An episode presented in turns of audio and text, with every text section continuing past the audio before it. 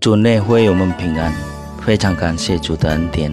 我们今天能再度参与读经运动反思。读经运动反思之前，请阅读本日读经运动的经文和请阅读本日读经运动的短诗。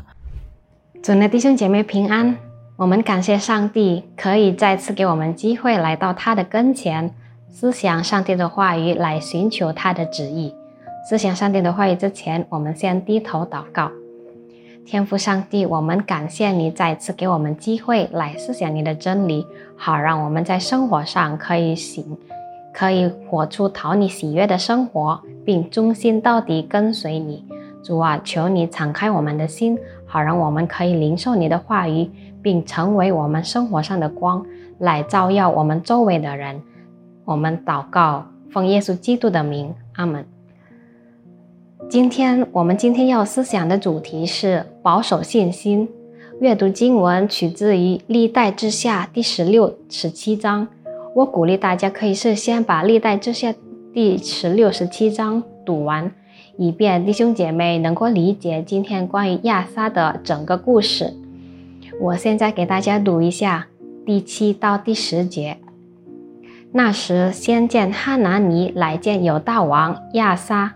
对他说：“因你仰赖亚兰王，没有仰赖耶和华你的神，所以亚兰王的军兵脱离了你的手。古世人、路比人的军队不是甚大吗？战车马兵不是极多吗？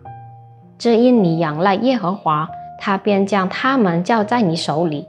耶和华的眼目偏差全地，要显大能帮助向他心存诚实的人。”你这是行得愚昧，此后他必有你必有征战的事。亚撒因此恼恨先见，将他囚在监里。那时亚撒也虐待了一些人民。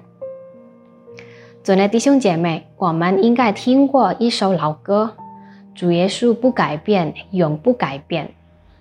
这首老歌强调的是主耶稣自昔至今永永远远其恩不改变。相反，人极其容易改变，因着生活上所发生的状况，人对上帝的信心很容易改变。有的人之前在生活困苦的时候，诚心诚意地跟随耶稣，如今当成功了之后，由于可能由于忙不过来，或者其他的种种原因，慢慢的不再参与侍奉，不再参加聚会，之后就离开了他对上帝的信心。也有人在之前当成功的时候，过着充满感恩的生活，并且积极的侍奉上帝。如今当生活困苦，对上帝感到失望，并且离开上帝。弟兄姐妹们，活在一切顺利的状况，使我们很容易感恩，因为我们认为上帝祝福。但是，当实际所发生的情况是相反，那么我们就认为上帝没有祝福我们。在这个情况下，我们要反省自己：我们是为了得到他的祝福而跟随耶稣，或者我们是耶稣真正的跟随者？真正的跟随者不因情况的变化而动摇。真正的跟随者无论情况如何，都仍然保持信靠上帝，并过着与上帝同行的生活。今天我们有所阅读的经文，也是描述了人的本性，很容易改变。亚撒四十一年做犹大王。圣经记载，他之前是仰赖耶和华，行在上帝眼中看为善为正的事。在第七、第八节记载，因为他仰赖耶和华，上帝如何把他和以色列民从古世人、路比人数目甚大的军队救出来，所以亚撒其实有足够的经验，走过与上帝同行的生活。他的生活总是有上帝的参与。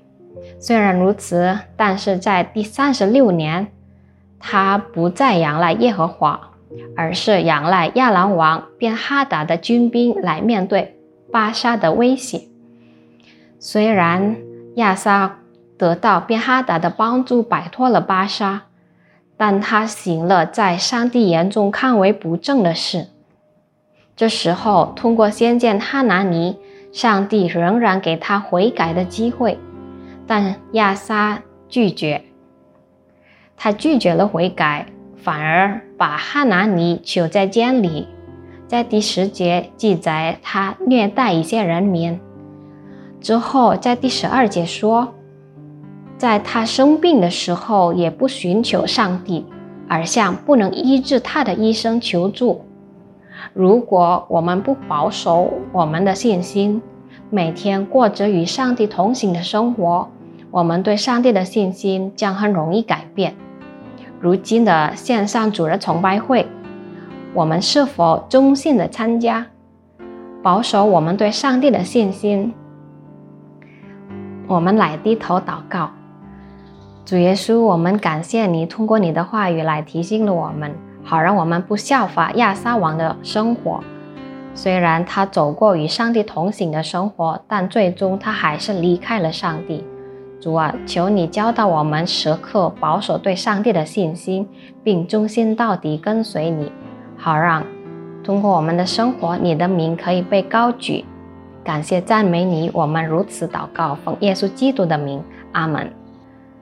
主内弟兄姐妹，让我们可以时刻保守对上帝的信心，在走人生的道路，永不撇下上帝，因为上帝的是信时。